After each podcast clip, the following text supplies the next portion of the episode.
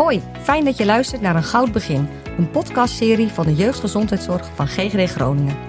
In diverse podcasts gaan we uitgebreid in op onderwerpen waar ouders of verzorgers van jonge kinderen op het consultatiebureau vaak vragen over hebben. Welkom bij deze achtste podcast. In deze podcast ben ik, Bettine Nijholt, moeder van drie kinderen, jullie host. En in deze podcast gaan we het hebben over kinderen en slapen. En dan met name over het slapen van baby's tot ongeveer dat ze een jaar oud zijn. Bijna elke ouder heeft hier wel vragen over. Wanneer slapen baby's nou door? En eh, wel of niet samen slapen? En kun je baby's verwennen als het om slapen gaat? Nou ja, en echt iedereen, van familie, vrienden en collega's, vaders en moeders tot slaapcoaches geven je gevraagd en ongevraagd advies over. Hoog tijd dus om het te vragen aan de professionals. En die professionals vandaag zijn jeugdarts Ilse Hordijk en jeugdverpleegkundige Amelia Zuidema. Beide werken bij GGD Groningen bij de jeugdgezondheidszorg, ook wel bekend als consultatiebureau. Fijn dat jullie er zijn. Welkom. Dankjewel. Ja, dankjewel. Nou ja, die vragen die ik net uh, allemaal opnoemde, krijgen jullie daar dan ook veel vragen over op het consultatiebureau? Uh? Ja, zeker weten. We krijgen daar heel veel vragen over. En ik denk dat de vraag of een kindje al moet doorslapen wel eigenlijk de meest gestelde vraag is. Mm -hmm. um, zowel naar ouders uh, toe van, nou, slaap jouw kindje al door? Als dat wij die vragen ook wel krijgen. En uh, ja, sommige ouders hebben het geluk dat, we, dat ze een babytje hebben die heel mak makkelijk slaapt. Of heel makkelijk ook in slaap valt. Maar eigenlijk is dat voor de meeste baby's helemaal niet zo vanzelfsprekend. Ja. En uh, ja, ouders zullen op het consultatiebureau ook zeker niet de eerste zijn als vragen: joh, mijn kindje is vier weken, moet hij al doorslapen? En nou ja, wat we eigenlijk bij deze podcast willen doen, is toch een wat realistischere verwachtingen voor ouders creëren. Nou, dat is wel heel fijn, want soms denk je als, oh, doe ik het goed? Hoe zit dit? Kan het allemaal wel? En, uh, ja, precies. Nou ja. Hey, en als je het dan over slapen hebt, uh, Ilse, waarom is dat zo belangrijk bij baby's? Nou, jonge baby's, hè, die moeten in de eerste weken, maanden van hun leven heel veel melk drinken om zo goed en hard te kunnen groeien. Uh, maar daarvoor is het dus wel belangrijk dat ze veel slapen, zodat ze daar ook genoeg energie voor hebben. Mhm. En als een baby bijvoorbeeld nou, niet of nauwelijks slaapt tussen twee voedingen in, hè, dan zal je merken dat hij eigenlijk tijdens het drinken van die tweede voeding heel snel in slaap valt, als gevolg ja. van oververmoeidheid. Maar vervolgens ook heel snel weer wakker wordt, omdat hij niet genoeg voeding tot zich heeft genomen en dus weer honger krijgt. Uh, en zo kan je babytje eigenlijk een beetje in een visueuze cirkel belanden, uh, waarbij de vermoeidheid steeds hoger oploopt. En het klinkt misschien raar, maar hoe vermoeider een baby is, hoe lastiger het is om uh, in slaap te vallen. En ik denk dat sommige ouders dat misschien ook wel kunnen herkennen. Um, en als je baby het lastig vindt om zelf in slaap te vallen, wat heel normaal is bij de meeste jonge baby's, dan, kun je baby, dan kun je je baby daar als ouder hulp bij aanbieden. Je hebt het over uh, hulp bij aanbieden. Nou ja, dan uh, is het natuurlijk wel eens fijn als je babytje natuurlijk ook gewoon bij jou uh, kan slapen. En, um, maar is dat erg als het overdag veel bij je slaapt? zoals een baby bij jou ligt? Nee, absoluut niet erg. En eigenlijk ook best wel normaal. Hè? Als je bedenkt dat een babytje gewoon de eerste negen maanden lekker veilig bij de moeder in de buik heeft gezeten, waar het veilig was en geborgen. Ja, dan is het best wel begrijpelijk dat zo'n kindje daar ook behoefte aan heeft. Um, en dus het liefst bij papa en mama op de buik wil slapen de eerste weken. Mm-hmm wel bij te benoemen dat dat met name dan echt overdag is. Hè, wanneer de ouder zelf wakker is. Dus mm-hmm. bijvoorbeeld als je zelf even op de bank uh, ligt. En dat is ook ja, ontzettend mooi voor de, voor de hechting. En als je ook bedenkt, uh, nou ja, het vierde trimester, hoe we dat wel eens noemen. Vierde trimester, wat, wat bedoel je daar ja. precies mee? Ja, eigenlijk een beetje de eerste drie maanden na de geboorte. Ah, je hebt het over, je hebt het zegt natuurlijk, de zwangerschap is 1, 2 en 3. Ja. En dan is eigenlijk de vierde buiten de buik. Ja, ja, klopt inderdaad. En eigenlijk is dat een periode waarin kindjes heel erg, ja, ontwenningsverschijnselen laten zien. Zo noemen we dat ook wel eens een beetje. Mm-hmm. En um, ja, kindjes hebben dan gewoon heel erg behoefte aan nabijheid en geborgenheid. En als kindjes dan bij je op de buik slapen, als je zelf wakker bent, mm-hmm. dan kun je toch een soort van die geborgenheid bieden. En als je kijkt naar de nachten, dan kan een kindje uh, heel veel baat hebben als je ze bijvoorbeeld bij jezelf op de slaapkamer hebt in een co-sleep of in een ledikantje. Oh ja. Ja, een co-sleeper is zo'n zo'n ledikantje wat zeg maar tegen je bed ja, aanstaat. Klopt, hè? inderdaad. Ja. ja. Oh, mooi. Hey, en kun je baby's hier dan ook mee verwennen? Want dat, dat hoor ik dan wel van ja, maar als je dat te lang doet, dan verwen je ze te veel en dan kunnen ze, leren ze dat niet meer af. En dan zit je altijd met je kind op je slaapkamer of wil altijd bij je slapen. Nou, in de eerste maanden van, uh, kun je je babytje echt niet verwennen door hem veel bij je te dragen. Uh, is wel een veelgestelde vraag op het consultatiebureau. En dan zeg ik ook altijd tegen ouders: Weet je, je kan je kindje verwennen met veel speelgoed of met dure kleertjes. Maar mhm. echt niet met liefde en geborgenheid van jullie als ouder. Ja. Um, maar het kan natuurlijk uiteindelijk wel zo zijn dat je baby eraan wendt om veel bij jou in slaap te vallen en te blijven slapen. Ja. maar stel je voor dat die gewenning is opgetreden, dan zijn er ook gewoon manieren om dat weer langzaam af te bouwen. Um, dus je hoeft er echt niet bang voor zijn dat als je je babytje veel bij je draagt in het mhm. begin, dat hij uh, voor de rest van zijn leven tot aan de puberteit uh, bij je in bed blijft slapen. nee. En uh, kijk, slapen, dat moet je echt zien als een vaardigheid. Net als bijvoorbeeld leren rollen, um, leren kruipen, leren praten. En sommige baby's zijn natuurtalentjes in slapen. Hè? Die ouders hebben echt mhm. het geluk dat een babytje heel makkelijk in slaap valt. Maar de meeste hebben echt de hulp nodig van ouders om deze vaardigheid goed te kunnen ontwikkelen. Ah, dat vind ik wel mooi dat je dat zegt. Want het, het klinkt soms een beetje van slapen. Ja, iedereen kan toch slapen. Het is hetzelfde als ademen. Of hè, weet je, dat, dat doe je gewoon. Maar het is dus wel wat jullie zeggen. Echt wel iets wat een baby ook moet leren om dat zelf te kunnen, kunnen doen. Uh, Oké, mooi. Hey, en dan hoor je ook veel over uh, ritmes. Um, hè, dat dat handig is om daarmee te beginnen. Dat je op een gegeven moment zegt, nou, de baby moet toch wel een bepaald ritme over, overdag uh, gaan volgen. Um, wanneer begin je daar dan mee en hoe pak je dat aan? Ja, nou ik denk, hè, ook, ook dat is een vraag die we veel krijgen van mhm. ouders. Uh, maar ik denk ook dat het goed is om te weten voor de ouders die geen behoefte hebben aan een ritme, dat je dat natuurlijk niet per se hoeft uh, daarmee hoeft te beginnen. Hè? Als je op dit moment geen ritme hebt en je vindt als ouder prima en je kindje uh, doet dat er ook goed bij, hè, dan, ben je natuurlijk nergens toe verplicht. Precies, dan is oh, dat, ook goed. Ja. Hè, maar we merken ook dat heel veel ouders juist wel heel erg behoefte hebben aan een ritme. Um, en ik denk dat in de eerste zes weken is het ritme met een baby vaak heel ver te zoeken. Um, en dat is ook heel normaal. Hè? Dan geen dag is hetzelfde. En um, en maar rond de leeftijd van zes tot acht weken ontstaat de biologische klok bij een kindje. Oké. Uh, en dat is ook het moment dat je kindje bijvoorbeeld zelf het slaaphormoon melatonine kan aanmaken. Mm uh, dat ontstaat onder uh, invloed van donker en licht. En vanaf deze leeftijd kan het dus ook zinvol zijn om te gaan oefenen met het zelfstandig in slaap vallen. in een donkere kamer, zodat die melatonine goed aangemaakt kan worden. En dat helpt dus om je beetje wat langer te laten slapen. En je zegt die donkere kamer, die, die is dus wel op zich belangrijk. Want je hoort ook wel eens, oh, overdag moet je juist uh, wat meer licht hebben. Want anders dan slapen ze te lang. Maar die donkere kamer is dus wel, uh, wel handig om... Uh, ja, die donkere kamer is zeker handig. Omdat daar daarmee dus die melatonine wordt ah, geproduceerd. Ja. Ja. En um, kijk, dat slapen in de donkere kamer hoeft vanaf deze leeftijd echt niet bij elk slaapje. Maar je zou wel kunnen beginnen door bijvoorbeeld het ochtendslaapje. Dat is vaak het makkelijkste slaapje van de dag voor kindjes om in slaap te vallen. Ja. Uh, om die te oefenen in het bedje. En om dan de rest van de slaapjes gewoon lekker bij jou plaats te laten vinden. Of in de wandelwagen of in de box. Ja. Um, hè, en mocht je babytje gaan huilen op het moment dat je hem nou in zijn bedje legt. Um, hè, als je dat gaat mhm. oefenen. Uh, laat hem dan absoluut niet huilen op deze leeftijd. Dat is helemaal niet zinvol. Hè? Dan krijgt hij misschien alleen maar een, nou, een negatieve associatie met zijn bedje. Ja, zo van, oh, dus, daar wil ik niet. Uh, precies, daar wil ik niet naartoe. daar is mijn dus, moeder niet of mijn vader niet. Ja, dus stil hem gewoon lekker op. Zorg dat hij weer tot rust komt. Hè? En als je babytje eenmaal weer rustig is, probeer hem dan nog een keer weg te leggen. En mocht het nou op zo'n dag niet lukken, nou help je baby dan gewoon om hem in slaap te laten vallen. Hè? En zie dat niet als een mislukte dag, maar je kan het gewoon morgen weer opnieuw proberen. Ja. En wat belangrijk is om te weten, dat babytjes zijn ontzettend gebaat bij routines. En die mhm. routines die kunnen ze ook heel snel en op jonge leeftijd al gaan herkennen. Dus als je bij elk slaapje dat ze gaan doen een bepaald ritueel uit, uh, uitvoert en je doet dat elke keer, dan zal je merken dat um, je babytje heel snel door zal krijgen dat als je begint aan dat ritueel, dat het de bedoeling is dat hij gaat slapen. Ah. Dat is, uh, dat is mooi. En uh, je hebt dus over zo'n slaapritueel. Hoe, hoe ziet dat er dan ongeveer uit? Amelia, weet jij dat? Kun jij daar iets over zeggen? Zeker. Het hoeft eigenlijk niet eens zo heel veel tijd in beslag te nemen. Wat je kan doen bijvoorbeeld eh, voordat een eh, kindje slaapje gaat doen, is dat je al naar de slaapplek toe loopt. Eh, dat kan bijvoorbeeld naar de co-sleeper zijn of, of naar het ledikantje. Vervolgens trek je bijvoorbeeld het slaapzakje aan of een inbakerzakje. Dan, dan doe je er vervolgens bijvoorbeeld de gordijnen dicht. Um, doet uh, nou ja, bijvoorbeeld de witte ruis aan. Daar hebben we het ook al in de vorige podcast over gehad. Hè? Ja. En dan uh, nou, ga je bijvoorbeeld nog een liedje zingen. En dan kun je het kindje moe, maar nog wel wakker in het bedje leggen. En eigenlijk kan dat al een beetje als ritme of uh, als routine dienen. Ja, oh mooi. En, en je noemt zeg maar het, het in de zakje en ook uh, witte ruis.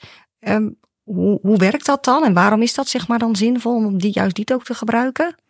Nou, het, het inbakeren, um, dat adviseren we omdat het er eigenlijk voor zorgt dat je baby zichzelf niet kan wakker schrikken als gevolg van de Moreau-reflex. Dat is een reflex die alle jonge baby's hebben. Um, en als gevolg van die reflex kunnen ze ineens hun armpjes uitstrekken. En je kunt je voorstellen dat als je lekker ligt te slapen en je armen vliegen ineens alle kanten op, dat je jezelf daar wakker van schrikt. Ja. Um, en um, uh, door dus een inbakerzakje bijvoorbeeld te gebruiken of een inbakerdoek, mm -hmm. uh, voorkom je uh, die reflex, waardoor de kans groot is dat je kindje wat langer doorslaapt. Ja. Um, wel goed om te weten dat het heel belangrijk is om dat inbakeren af te bouwen vanaf het moment dat je babytje begint met rollen naar de zij, hè, want dan kan het gevaarlijk worden in bed. Ja. en anders adviseren we dat vanaf de leeftijd van vier maanden. Okay. En vaak vinden ouders dat wel wat spannend om dat af te bouwen, hè, omdat de slaapjes daarmee vaak juist heel goed verlopen. Um, maar die Moreau-reflex waar ik het over had, die verdwijnt tussen de drie en vier maanden. Dus op het moment dat je begint oh, met afbouwen, ja. hebben ze dus eigenlijk veel minder last van die reflex. En blijven die armpjes gewoon lekker liggen Precies. en hebben ze niet meer dat ja. ineens voorbij komt zwaaien ja. en uh, ja. schrikken. Ja, en dan oh, is de overstap dus niet zo groot vaak naar een, uh, uh, om, om in een normaal slaapzakje bijvoorbeeld te gaan slapen. En nou, zoals ik net al zei, je hebt dus inmakerdoeken en inmakerzakjes, veel verschillende um, uh, vormen en maten, zal ik ja. willen zeggen, en merken. en als je daar meer informatie over wil, dan kan je dat bijvoorbeeld vragen bij je jeugdverpleegkundige van het consultatiebureau. Ja. Um, en zorg er ook voor dat als je dat zakje of de, de, de inbakerzak voor het eerst gebruikt, dat je dat wel doet op het moment dat je babytje rustig is. Want vaak als je baby oh, eenmaal overstuur is en je gaat hem dan ook nog inbakeren, dan ja, dat, dat hij dan handjes bij elkaar moet Precies. houden. Dan, uh, He, ja. En het kan best wel zijn uh, dat een kindje in het begin een beetje daar moet wennen dat hij ingebakerd wordt. Maar vaak de kinderen nou ja, die zich er het meest toe verzetten, hebben er het hardste behoefte aan. Ah, He, dus laat je niet meteen afschrikken als het de eerste keer niet helemaal goed gaat. Nee. Um, nou, en die white noise, hè, ook wat witte ruis, dat Ja. adviseren we dus ook. Uh, en dat heeft eigenlijk twee redenen. Het is een continu suizend geluid. Um, en de baby herkent dit van het geluid dat hij hoorde toen hij in de baarmoeder zat. Dus Ja. het kan heel troostend werken uh, en ook rustgevend. Als een babytje uh, nou even wakker wordt, dan is het makkelijker om weer in slaap te vallen. Um, en het kan ook de geluiden van buiten tegenhouden, waardoor je Ja. kindje daardoor niet wakker wordt. Als je bijvoorbeeld al een ouder kindje hebt in het gezin. Nou, die herken ik zeker uh, zelf ook. Als je weer eens één uh, zeg maar over de, het overloop heen en weer moet rennen, dan is die witte ruis echt ideaal. hey, en um, en uh, we hebben het ook wel over, de, je zei net over de, plek dat het in de box kan slapen of in de draagzak. Maakt dat uit, zeg maar, voor het kindje waar het, waar het gaat slapen? Nou, meestal in de eerste weken kan een baby vaak overal wel heel goed slapen. Hè? Ja. Dan zijn ze zo uh, moe eigenlijk dat ze Ja. bijna nergens wakker van worden. Maar vanaf die leeftijd van zes tot acht weken worden de meeste baby's vaak veel alerter. Zijn ze zich, veel meer bewust uh, hè, van wat er in de omgeving afspeelt. Mhm. En worden ze daar dus ook veel sneller wakker van. Dus Ja. de meeste babytjes zijn er wel heel erg bij gebaat om vanaf die leeftijd uh, toch meer en meer in een aparte plek te gaan slapen. Ja. Zodat ze dat in alle rust kunnen doen. Oké. Okay. We hadden het net al wel over, over ritme. Stel je voor, eh, voor jou werkt een ritme heel, uh, heel goed. Uh, hoe zou je dat dan verder kunnen uitbreiden? Goeie vraag. Nou, zoals Ilse net ook al zei, um, kan je prima bij het ochtendslaapje beginnen. En stel dat je merkt van, nou, dat ochtendslaapje dat lukt steeds beter. Um, en dat het, dat het kindje alleen in slaap valt. Dan zou je dit ook voor de volgende slaapjes kunnen gaan proberen. Um, nou ja, en het slaapritueeltje is dan ook al bekend voor het kindje. Ja. Dus die zou je dan ook weer gewoon kunnen toepassen. En vaak merken ouders dat het dan met een tweede slaapje ook steeds makkelijker gaat. Oké. Okay. Nou ja, en Ilse, jij gaf net al aan dat je de baby dus niet kunt verwennen in die eerste maanden. En, maar waarom is het dan toch belangrijk dat ze op een gegeven moment zeg maar wel uiteindelijk zelf in slaap kunnen vallen? Ja, de slaapcyclus van een baby is heel kort. Ook als je dat vergelijkt bijvoorbeeld met volwassenen van een baby, is dat maar 45 tot nou, 60 minuten. En na deze tijd, dus na die 45 tot 60 minuten, wordt een baby um, ja, weer kort wakker. En op het moment dat een kindje dus een bepaalde handeling nodig heeft, of um, een, een voorwerp zoals een speentje, of het wiegen of een hand, dan heeft dat babytje heeft elke keer um, dat weer nodig om na zo'n cyclus weer in slaap te vallen. Ja. Hè, dus um, wat je eigenlijk, uh, of nou ja, dit noem je eigenlijk ook wel een slaapassociatie. En wat je eigenlijk dus wil, is dat een babytje leert om zelf uh, in slaap te vallen. Dus als ze wakker worden, dat ze dan daarnaast zelf weer. Ja, want anders ben je als ouder, ik denk dat de meeste ouders dit herkennen, steeds bezig om weer te helpen om in slaap eh, te komen. Ja. Ah, oké. En je noemt daar ook bij die speen, dat dat ook echt wel een slaapassociatie kan, uh, kan zijn. Nou ja, en veel baby's hebben natuurlijk een speen. Moet je dit dan ook al uh, vlot gaan afbouwen? Ja, dat, dat, uh, je, je, hoeft natuurlijk niks als ouder, of je moet niks als ouder, laat ik het zo zeggen. Hè, maar je ziet wel vaak dat baby's um, uh, toch heel snel leren van, of dat, dat speentje heel snel nodig gaan hebben om mm -hmm. in slaap te kunnen vallen. En dus ook weer uh, overdag of in de nacht, als die slaapziekte is afgelopen en er begint een nieuwe, mm -hmm. dat je er weer even heen moet om het speentje terug ja. te geven. Ja. Um, hè, en een, uh, een speen kan wel echt heel nuttig zijn in de eerste drie tot vier maanden van hun leven. Want het werkt troostend. Ze hebben een grote zuigbehoefte die je daarmee kunt stillen. Ja. Um, hè, maar ze zijn, ja, daardoor hebben ze die spenen ook nodig om in slaap te kunnen vallen. Hè, en, um, maar na die vier maanden, dan neemt de zuigbehoefte eigenlijk uh, fors af. En zou je ja? dus kunnen zeggen dat die uh, speen daardoor ook wat minder hard nodig is voor je kindje. Um, en je zou er dus ook voor kunnen kiezen om de speen rond de leeftijd van vier maanden um, helemaal weg te nemen. Ja. Veel ouders vinden dat denk ik heel spannend. Ja. Maar um, uh, je zou wel merken dat het bijvoorbeeld de eerste paar dagen net iets lastiger gaat om in slaap te vallen. Dat het ietsje langer duurt. Um, maar de meeste ouders merken ook dat een babytje daarna veel makkelijker weer zelf zelfstandig opnieuw in slaap kan vallen. En dat je er ja. dus s'nachts veel minder vaak uit hoeft om dat speentje te geven. Ja, want ze zijn natuurlijk op een leeftijd dat ze nog niet die speen zelf in hun mond uh, nee, kunnen, kunnen stoppen. Inderdaad. Hè? En uh, het afbouwen op deze leeftijd is vaak wel uh, veel makkelijker. Gaat ook veel sneller dan dat je dat pas op oudere leeftijd doet. Waar, waarmee kindjes veel meer bewust zijn van de speen. Oké, okay. ja. Hey, en als we het dan eventjes um, hebben over de verschillende momenten dat ze natuurlijk slapen, als er dan op een gegeven moment toch een beetje een ritme in zit, wanneer weet je dan wanneer er tijd is voor een volgende ja, dutje? Dat je zegt van nou, nu, nu moet ze eigenlijk toch wel weer uh, lekker gaan slapen. Ja, nou daarvoor zou je rekening kunnen houden met uh, uh, twee dingen. Uh, je kunt rekening houden met de gemiddelde wakkertijden van baby's op een bepaalde leeftijd. En je kunt kijken naar de vermoeidheidssignalen die je baby afgeeft. Okay.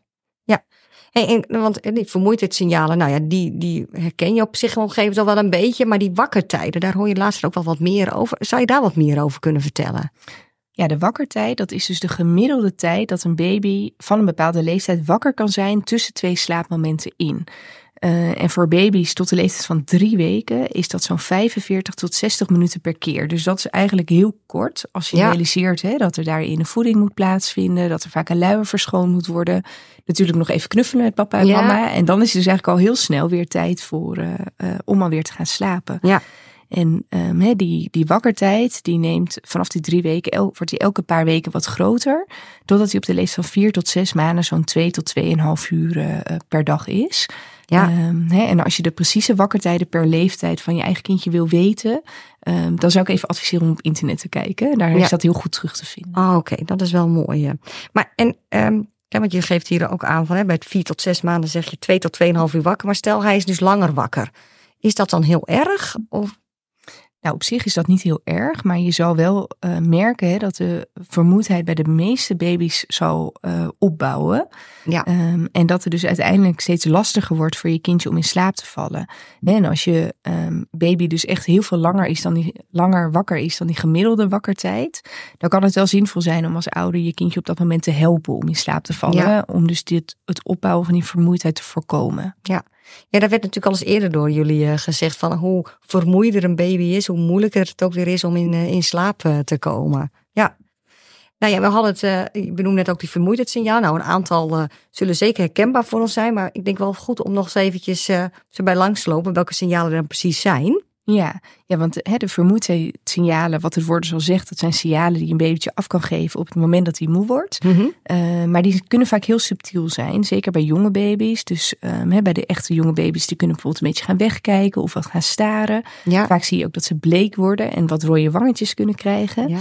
En uiteindelijk gaan ze geeuwen, gapen um, en als laatste dan gaan ze huilen. Maar dan... Ja. Um, ben je er eigenlijk al overheen? Precies, dan ja. is vaak het punt van de oververmoeidheid al ja. bereikt. Ja. Nee, en bij de wat oudere babytjes, dus bijvoorbeeld vanaf een half jaar, dan zie je vaak dat ze ook in de oogjes gaan wrijven of aan de oortjes gaan zitten. Hè, op het moment ja, die dat ze vond ik wel zijn. heel grappig om te zien. Bij, uh, dat ze aan de oortjes beginnen te friemelen. Dat je denkt, ja. hey, uh, ja, oké, okay, tijd om naar bed te gaan. Ja. en uh, nou ja, zoals ik net al zei, is dus vooral bij jonge baby's zijn die uh, signalen vaak heel erg subtiel. En ze kunnen ook makkelijk verward worden met um, hongersignalen. En ze zijn dus zo subtiel dat je ze als ouder ook heel makkelijk kunt missen. Um, hè, waardoor je bijvoorbeeld het pas door hebt op het moment dat ze al heel hard aan het huilen zijn. En dan is het dus heel lastig om je kindje nog weer rustig te krijgen en in slaap ja. te laten vallen. Ja. Um, kan het advies ook wel zijn om bijvoorbeeld wat meer rekening te houden met die gemiddelde wakkertijden in plaats van met de vermoeidheidssignalen. En uh, op welke leeftijd zijn hoeveel slaapjes normaal? In de eerste zes weken zit er nog weinig regelmaat in de slaapjes. En als je kijkt naar tussen de zes en drie maanden, dan zul je merken dat er steeds meer ritme komt in het slapen, maar ook in de voedingen. Um, maar het lukt bijvoorbeeld wel met het eerste slaapje uh, elke dag een beetje rond dezelfde tijd te laten plaatsvinden. En op de leeftijd van vier tot zes maanden slapen de meeste kinderen ongeveer uh, drie slaapjes overdag. Um, ja, en bijvoorbeeld het namiddagdutje kan je dan zien als een soort powernap van een half uurtje. Om de tijd te overbruggen uh, tot aan uh, bedtijd. Um, en het laatste dutje is vaak ook wel een beetje het lastigste. Maar op deze leeftijd wel heel belangrijk. Ook om te voorkomen, nou ja, wat we elke keer al eerder zeggen, dat het kindje dus oververmoeid raakt. Die, uh, die herken ik wel hoor. Ja, ja. Zo rond het, het, einde van de dag en dan nog even in de draagzak even een rondje lopen. Ja, en dat is wel inderdaad een mooie dat je die benoemt in de draagzak of in de kinderwagen uh, kan dat laatste dutje mooi plaatsvinden. Kijk je naar de zes tot acht maanden, dan vervalt vaak het derde slaapje alweer. Mm -hmm. um, ja, en, en als daardoor bijvoorbeeld de wakkertijd tot bedtijd heel lang wordt, dan kun je als ouder ook voor kiezen om het kindje net wat vroeger naar bed te brengen. Ja. En wat bedoel je met iets vroeger? Normaal. Uh... Ja, rond zes uur uh, bijvoorbeeld. Ah, Oké. Okay. Um, maar goed, dat is ook net een beetje wat bij het kindje past natuurlijk. Ja. Um, maar nou ja, alles een beetje na zes uur kunnen we dan ook als nacht beschouwen. Hè? Dus ja. um, alle slaapjes die daarna zijn, dat zijn niet meer de namiddagslaapjes, maar echt al de nacht, uh, ja. uh, nachtslaap.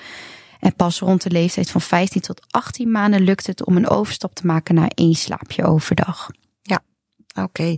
Hey, en nou ja, we hebben natuurlijk al best wel veel gehoord van je, maar stel nou dat het ondanks al deze informatie en adviezen van jullie het niet lukt om een baby alleen in slaap te laten vallen. Wat, wat kun je dan als ouder uh, doen? Ja, zeker dat het een uh, hele kunst soms kan zijn. En dan uh, hebben we gelukkig op het consultatiebureau ook genoeg hulp. Hè? Bijvoorbeeld de jeugdverpleegkundige kan heel goed met je gaan van, nou, wat heb je als ouder zijnde al geprobeerd? Mhm. En welke methode heb je toegepast? Wat werkte wel?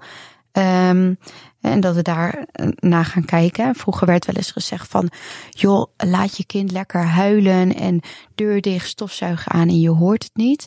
Maar dat is echt niet meer van deze tijd. Nee. Um, er zijn tegenwoordig gelukkig heel veel prettige manieren um, ja, om, om het slapen te leren. En ook om dit met ouders te bespreken. Oh, dat is wel heel, heel fijn. Dus dan kunnen we eigenlijk gewoon contact opnemen met, met jullie. En jullie kijken echt wel eventjes van, nou ja, ja wat hebben jullie gedaan, maar ook naar het kindje, wat past daarbij Zeker. en welke methode past daar dan Ja, en ook bij. vooral wat past bij ouders. Ja, ja. nou fijn, ja. heel fijn. Nou, dan hebben we al heel wat uh, dingen besproken als het gaat over het slapen overdag. Maar hoe zit dat dan met het slapen in de nacht? Nou, vaak is het zo dat hoe beter de slaap overdag ging, hoe beter de, de slaap ook in de nacht zou verlopen. Dus dat is ook waarom het zo belangrijk is om hè, dus aandacht te besteden aan die slaapjes overdag. Ja. Um, hè, en uh, dus ook s'avonds en s'nachts is het belangrijk dat je, dat je een duidelijk slaapritueel hebt voor je Mhm. kindje. En dat hij dus weer zelf in, in slaap kan vallen aan het einde van zo'n slaapcyclus. Ja. Nou ja, en dan is natuurlijk altijd wel een beetje de, de grote vraag van uh, ja, doorslapen. Um, ja, wat is dat eigenlijk? En, en wanneer kun je dat nou als ouder verwachten? Ja, officieel spreken we van doorslapen als een babytje vijf tot zes uur achtereen kan slapen zonder wakker te worden. Maar de leeftijd waarop dit lukt is heel erg wisselend. Dus er zijn geluksvogels, zeg maar, die dat al bij zes weken kunnen. Ja. Um, hè, maar en als ouder hoor en lees je vaak ook vooral de succesverhalen van deze baby's. Helemaal waar. Um, hè, maar als je dan kijkt naar gemiddeldes, dan is het heel normaal dat dit pas op de leeftijd van vijf tot zes maanden gebeurt. En gemiddeld kunnen ongeveer zeven op de tien baby's rond de leeftijd van zes maanden die vijf tot zes uur achter elkaar doorslapen. Nou, dus vind ik wel mooi dat je even ook zegt vijf tot zes uur. Want tenminste, ik ga natuurlijk een beetje van volwassen slapen uit. Ik denk, ja, ik moet minimaal maar acht uur maken. Dan uh, wordt er een beetje doorgeslapen. En het liefst nog wat langer, zodat je nog wat tijd hebt voor, uh, voor jezelf. maar dat is wel mooi dat je die, uh, die benoemt. Ja. Ja, ik denk ook dat we het liefst hebben uiteindelijk hè, dat een kindje gewoon lekker van 7 uur s avonds tot 7 uur s ochtends doorslaapt. Hè, um, en ook daarbij uh, zijn de verschillen heel groot. Dus sommige kinderen kunnen dat bijvoorbeeld al tussen de 4 en de 6 maanden. Uh, maar gemiddeld lukt dat pas rond negen maanden. Hè? En um, nou, mocht het eenmaal zo zijn dat je babytje de nachten begint, echt goed begint door te slapen van zeven ja. tot zeven. Hè, dan wil dat ook zeker niet zeggen dat het uh, uh, voor nu gelijk alle nachten gaat gebeuren. Het is heel normaal dat je af en toe weer wat achteruitgang hebt in de ja. nachten. Ik ben heel blij dat je dit zo even zegt. Voel ik me gelijk binnen en denk, oké, okay. Mijn, uh, mijn kinderen die hebben het gewoon volgens het boekje gedaan. Zijn iets later met doorslapen, maar toch.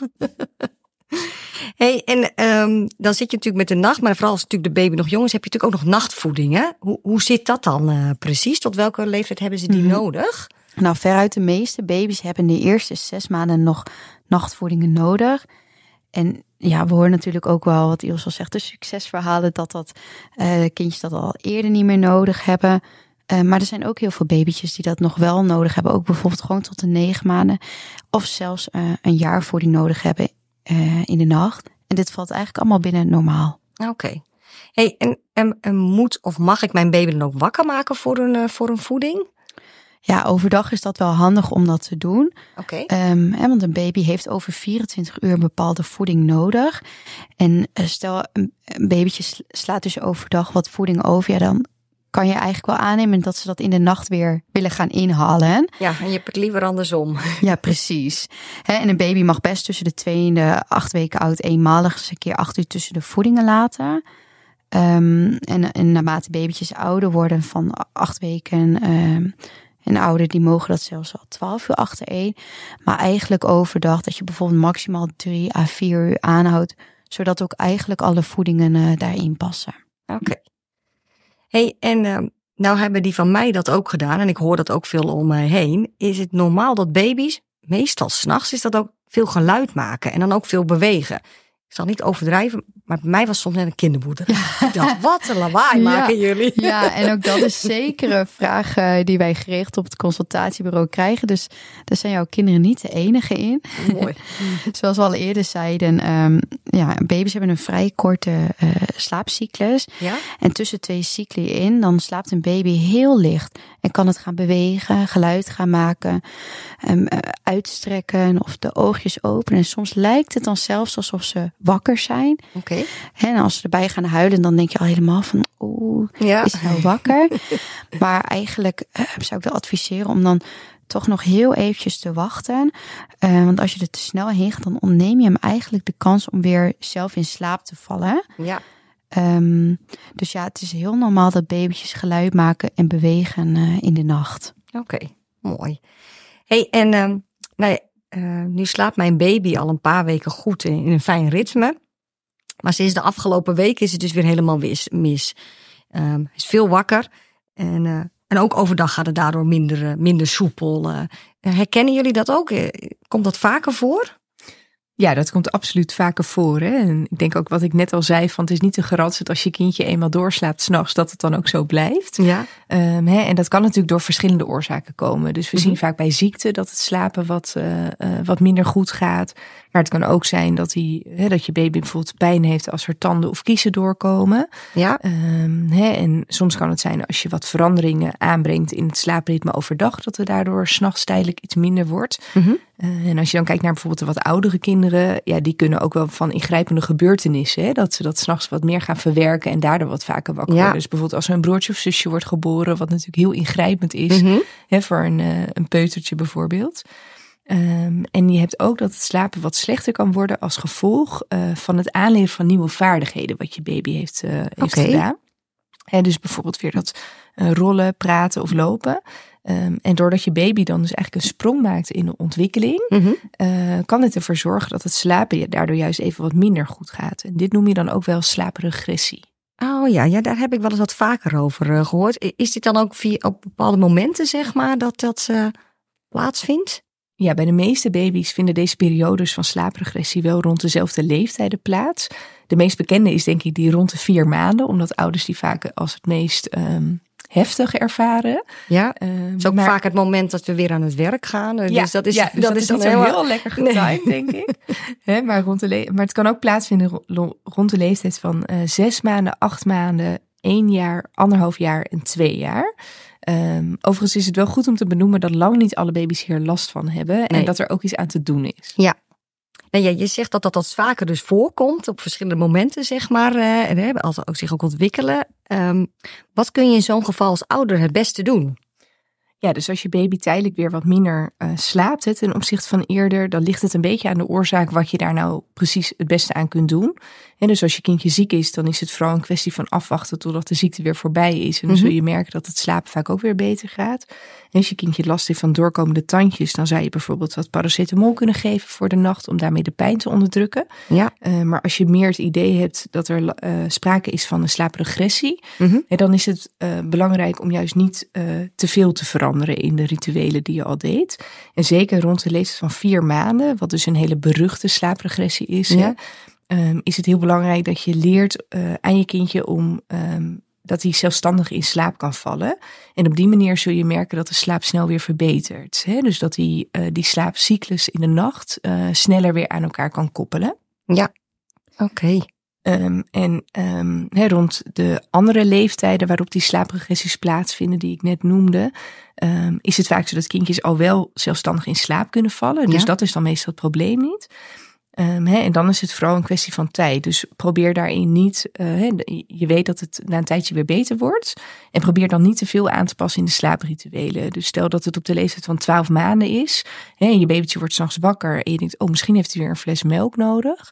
Uh, en dat gebeurt meerdere keren per nacht. Ja, dan kan het wel zijn dat er ook weer heel snel gewenning optreedt. En dat ja. je daarmee dus het wakker worden eigenlijk in stand houdt. Ja, ja, ja.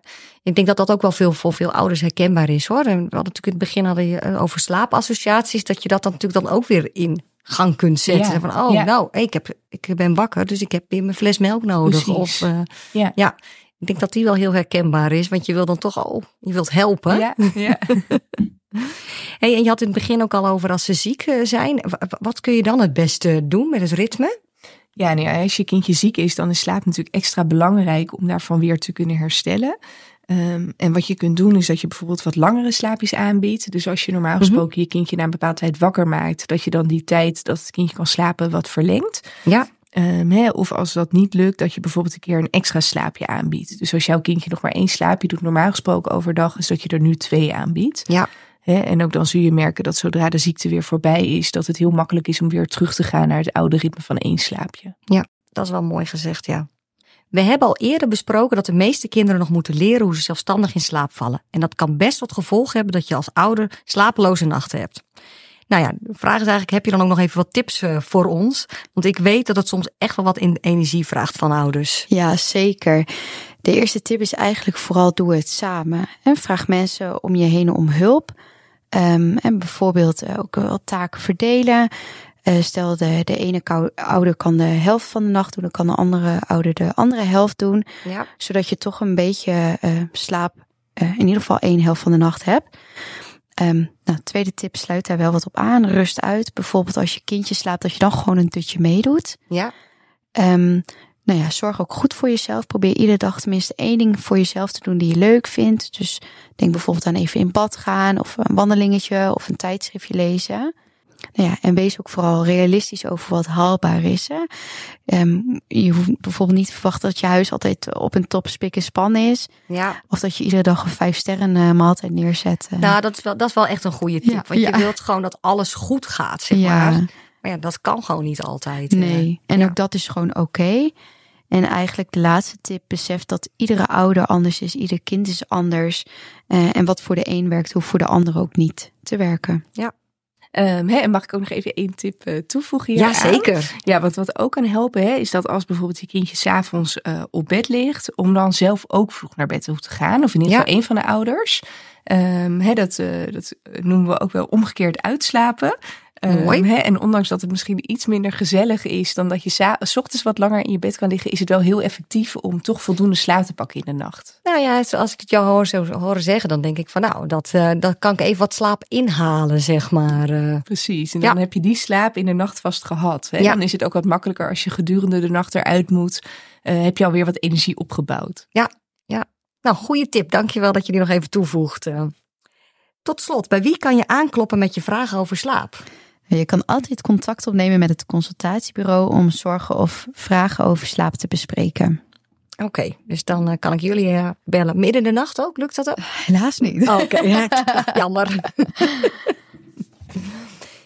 nou, fijn dat je luistert naar Een Goud Begin, een podcastserie van GGD Groningen. De gast waren jeugdarts Ilse Hordijk en jeugdverpleegkundige Amelia Zuidema. Heel leuk en nuttig dat jullie er waren. In onze podcastserie praten we over onderwerpen waar ouders van jonge kinderen mee te maken hebben. Wil je niets missen? Abonneer je dan op de podcast Een Goud Begin van GGD Groningen. En denk je dat je deze podcast interessant is voor anderen? Stuur hem dan vooral door. Graag tot gauw.